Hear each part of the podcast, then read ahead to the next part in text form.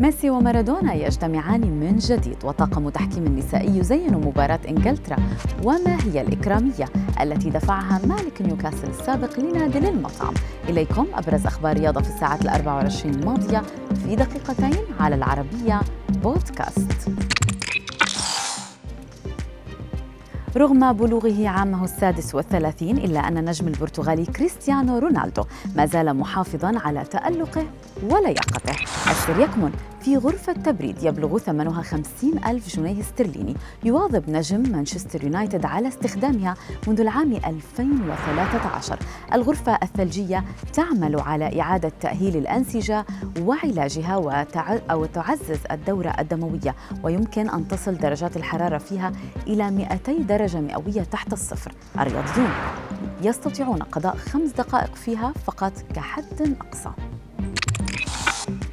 يبدو أن الأرجنتين ما زالت تعيش أفراح تتويجها بلقب كوبا أمريكا الأول بوجود ميسي حيث تم رسم جدارية عملاقة لنجم برشلونة السابق في بيونس آيرس اتخذ ماكسيميليانو أربعة أيام للعمل عليها وتتميز اللوحة التي يبلغ ارتفاعها ستة أمتار وعرضها أربعة أمتار بخصوصية وجود الراحل مارادونا في الخلفية. تولى طاقم تحكيم نسائي بالكامل؟ إدارة مباراة إنجلترا وأندورا في تصفيات كأس العالم لكرة القدم. الأوكرانية كاترينا أدارت المباراة فيما تولت صاحبة الخبرة ستيفاني برافار نظام حكم الفيديو لتصبح هذه أول مرة تقام فيها مباراة لمنتخب إنجلترا للرجال على المستوى الدولي بطاقم تحكيم من السيدات.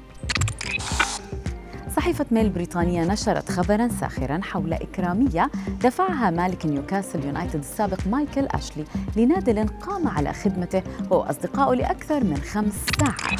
الصحيفة ذكرت أن الملياردير أشلي والذي أضاف إلى ثروته 300 مليون باوند جراء بيع النادي لصندوق الاستثمارات العامة السعودي منح النادل بعد كل هذه الساعات من الخدمة خمسة باوندات فقط. أي ما يصل إلى ستة دولارات ونصف بحسب الصحيفة.